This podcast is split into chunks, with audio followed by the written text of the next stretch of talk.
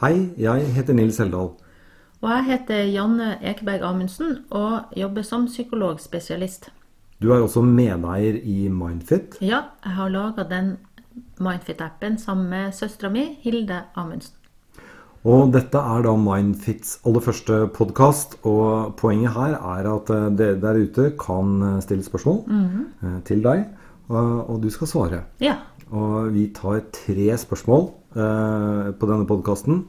Og det første spørsmålet det er ganske generelt. Er det vanlig å gå til psykolog? ja eh, det er nokså vanlig. Jeg har jo jobba som psykolog i 20 år og vil jo si at det har skjedd en utvikling der det har blitt mer vanlig å gå til psykolog, og folk er kanskje også mer åpne om det nå. Og jeg merker også at en kan anbefale det mer til andre. Jeg tenker Før så var det nok mer sånn de som gikk til psykolog, de hadde kanskje alvor... En tenkte mer det, da, at det måtte jo være noen som hadde alvorlige psykiske problemer, og at det skulle til for at en skulle søke seg hjelp av psykolog. Men jeg tror nå eh, er det annerledes, og folk eh, ønsker vel å søke seg også hjelp tidligere enn før. Men fortsatt er det vel slik at eh, det er ganske lang ventetid eh, hvis du skal gjennom det offentlige.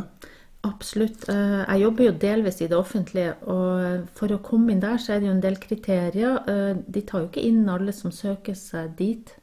Så det er mange som blir gående uten å få den type hjelp. Og som er nødt til å søke privatpraktiserende psykolog.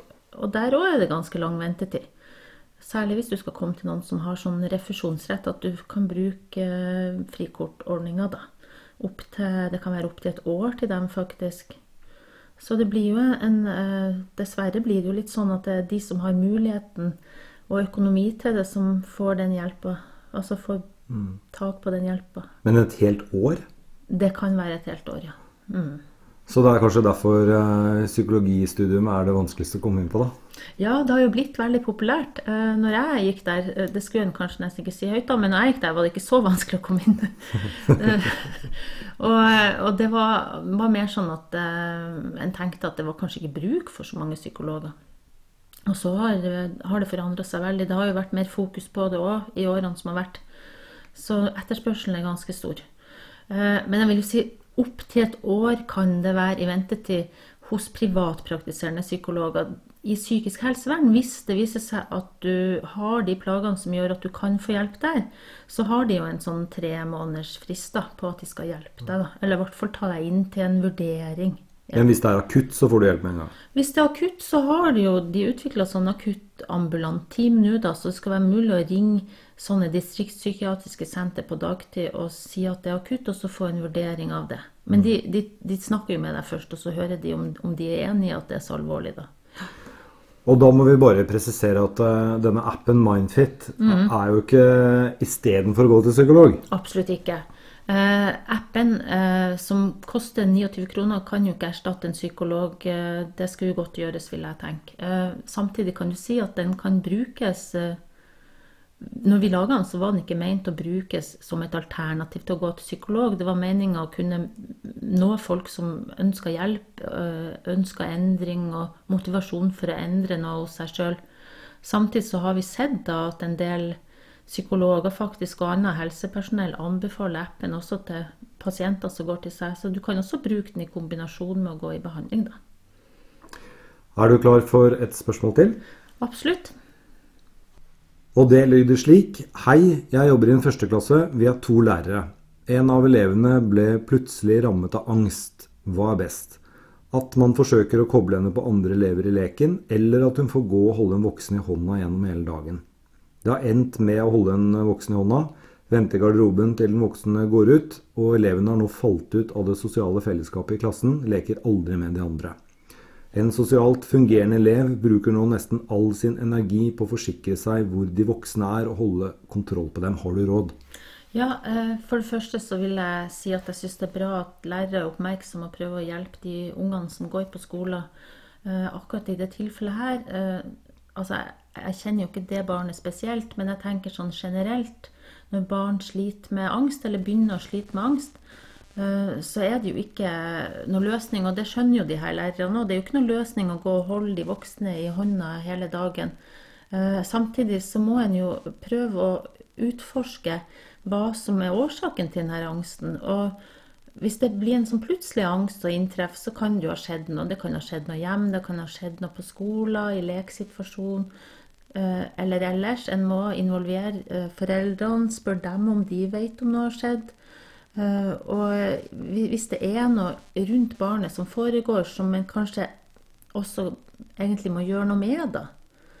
F.eks. hvis det er noe på skolen i form av utestenging eller noe som har skjedd i venneflokken, så kan det jo være at de voksne også må hjelpe til med å løse situasjonen.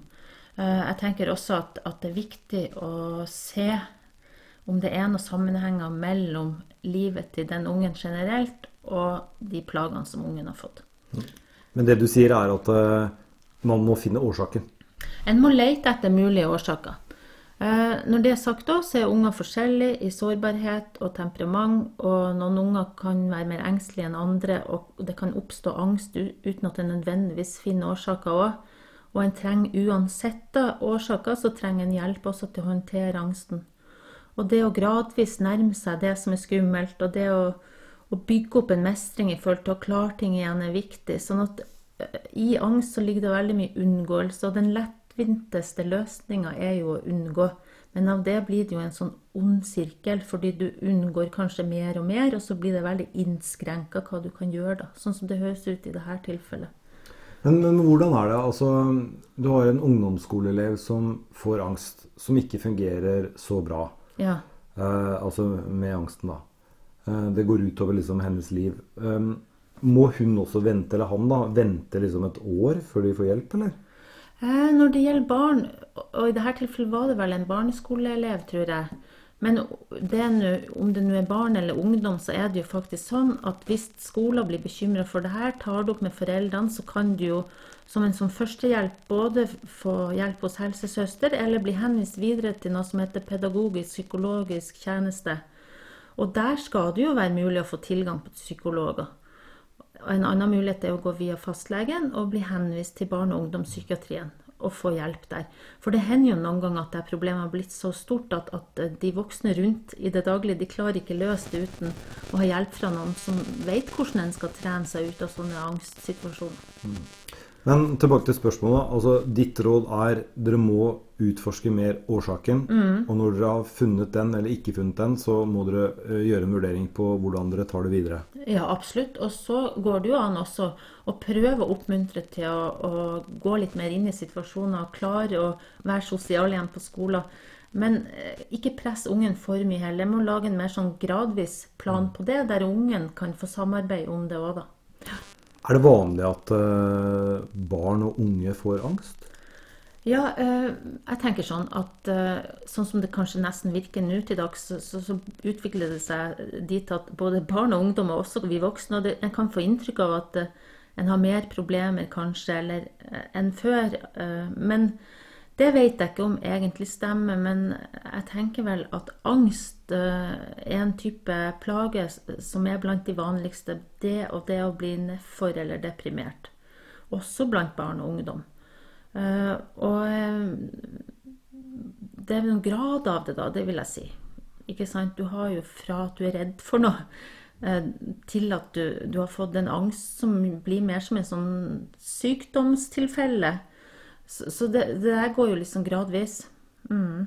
Så barn som voksne kan jo bli ramma av det. Ja. Og da har dere jo skjønt gangen. Altså dere stiller spørsmål. Um, dere skriver uh, det som en melding. Altså hvis noen har lyst til å skrive det som en åpen post, så er det også lov. Mm. Men uh, da leser vi det, og ja. så kommer vi tilbake med en ny podkast, og så besvarer vi da spørsmålene.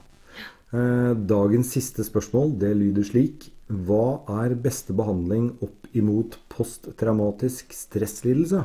Ja, jeg tenker at før jeg svarer på hva som jeg tenker er beste behandling, så er det viktig å snakke om hva posttraumatisk stresslidelse er, og hvordan det oppstår.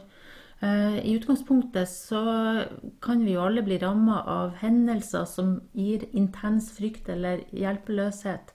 Det kan være katastrofer sånn som ulykker, naturkatastrofer, krig, overgrep. Men enhver hendelse egentlig som gjør at en føler eh, en intens frykt eller hjelpeløshet, kan bli koda som en traume for meg. Uh, og det betyr at i etterkant av det så kan en utvikle stressreaksjoner, ulike stressreaksjoner. Og posttraumatisk stress er noe som eh, en ikke får med en gang, men som kan utvikle seg over tid. Sånn at eh, når det har gått noen uker og en fremdeles plages med påtrengende minner om, om, det som har skjedd, altså en kan ha mareritt eller flashbacks, eller en tenker veldig mye på det som har skjedd, uh, en merker at den er aktivert i form av søvnløshet, at den er irritabel, at den er skvetten og mer årvåken enn før. Eller at den har mye sånn unngåelse, at den prøver å unngå det som minner om det som har skjedd. da. De der plagene der til sammen utgjør posttraumatisk stress. Og eh, når en da har fått de plagene, så er det ikke så lett å bare snu på det. For det er akkurat som om hele kroppen går i en sånn beredskapstilstand. da. Så det er akkurat som om en ikke klarer å få overbevist seg om at det er over. Det er mer som om det foregår fremdeles. Så da vil jeg tenke at hvis en skal få bra behandling for det, så er det viktig å altså Et stikkord for meg blir egentlig å få en bearbeidelse av den hendelsen som har foregått. da. Og jeg bruker jo veldig mye EMDR for å hjelpe folk med den type hendelser. Det er jo også en, en type tilnærming som anbefales av bl.a. Verdens helseorganisasjon. Sammen med uh, kognitiv traumefokusert terapi, som er den andre. Og de to må vi nå forklare. Ja, tenkte vi skulle forklare det, da. Eh, når det gjelder EMDR, så, så, er jo det Det innbefatter jo altså Det er jo mye likt der eh, i, i, andre typer behandlinger òg, men det innbefatter øyebevegelser eller annet sånn tosidig oppmerksomhetsfokus. Altså at du samtidig ser for deg Samtidig eh, ser for deg den hendelsen som har skjedd, og så følger du en sånn øyebevegelse Eh, de to tingene til, til, sammen ser ut til å, å, gjøre at det ubehaget som ligger i hendelsen, blir borte da. Altså mens du er i terapi, ja. så er det noe du skal se på som Ja. ja Forklar litt mer inngående. Altså, ja, fordi eh, det begynte jo med Hun som utvikla denne metoden, hun, det begynte jo med at hun la merke til at hvis hun bevegde øynene sine fra side til side, så fikk hun en sånn ro inni seg. Og det har en forska på i forhold til EMDR, at det, det der sidebevegelsen med øynene gir en slags ro. I tillegg så ser det ut som det bearbeider uh, det som har skjedd. Og, og, og, hvorfor det gjør det, det, det forsker en jo fremdeles på, da, men en av forklaringene er at, at når du eh, i etterkant nå eh, ser Altså, jeg får folk til å på et vis se for seg den hendelsen som har skjedd, og så kjenne på det ubehaget som er i den hendelsen. Og så samtidig følg en øyebevegelse som går fra side til side. Eh, det kan også være annen type stimulering som lyd eller sånn taktil tapping. Og den bevegelsen den forstyrrer, sånn som de har funnet ut, den ser ut til å forstyrre arbeidsminnet. Sånn at det som ligger der av ubehag, det bare slipper taket, rett og slett.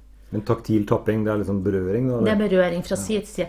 Og det at det går fra side til side, det har jeg nå spekulert i. Eh, er det litt av det samme som skjer under rem-søvn? Det er det en tenker da. At i rem-søvn så går jo øynene fra side til side. Og, og, en spekulasjon går på at EMDR uh, utnytter litt den effekten til å sette i gang en bearbeiding, sånn som under rem-søvn. For vi bearbeider jo ting da. Mm.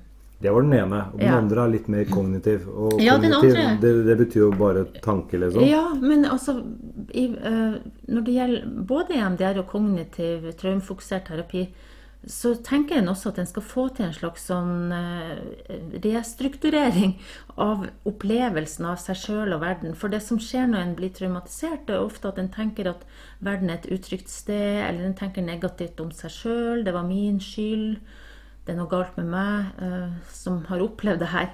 Så en prøver å få til en endring av det mot en positiv tanke om at, at uh, verden er trygg nå, jeg gjorde så godt jeg kunne, det er ikke min skyld. Og i kognitiv traumefokusert terapi så tenker en at en må eksponere seg for hendelsen. Men en er litt mer opptatt av detaljene der. Da, at en skal se for seg hendelsen, fortelle om hendelsen gang på gang på gang. Sånn at hjernen, en sier at hjernen habitueres til det. Venner seg til det, og så blir det ikke det ubehaget i hendelsen lenger som det var der før. da. Mm. Det høres ut som langvarig eh, Behandling? Ja. Nei, egentlig ikke. Fordi eh, begge de her metodene kan ha ganske sånn god effekt veldig raskt hvis, det, hvis du har opplevd en enkelthendelse. Men hvis du har opplevd mange traumer, gjerne fra du var liten og over flere år, så tar det lengre tid. Så, så en kan si at, at enkelthendelser, da sier en ofte som fire til seks behandlinger, eh, mer sånn traumer med mange år. 12 til 24, kanskje lenger. Av og til det er jo ikke alle som tåler denne behandlinga fra, fra dag én, hvis du skjønner. Du må på et vis motiveres for det, og så må du ha egentlig toleransen for den, det å, å, kjenne på de følelsene som blir knytta i den hendelsen. Ja. Hvis du skal rangere en av de, da, eller er det kanskje litt vanskelig? Ja. Altså, hvis jeg skal være uh, nøytral, så vil jeg si at begge har like god effekt. Uh, jeg personlig bruker jo EMDR mest. ok. Uh, det var egentlig den aller første podkasten til Mindfit. Mm -hmm. og takk for at dere hørte på. Og så er det altså bare skriv inn spørsmål, mm. så plukker vi ut, og så kommer det en podkast nummer to. Ja.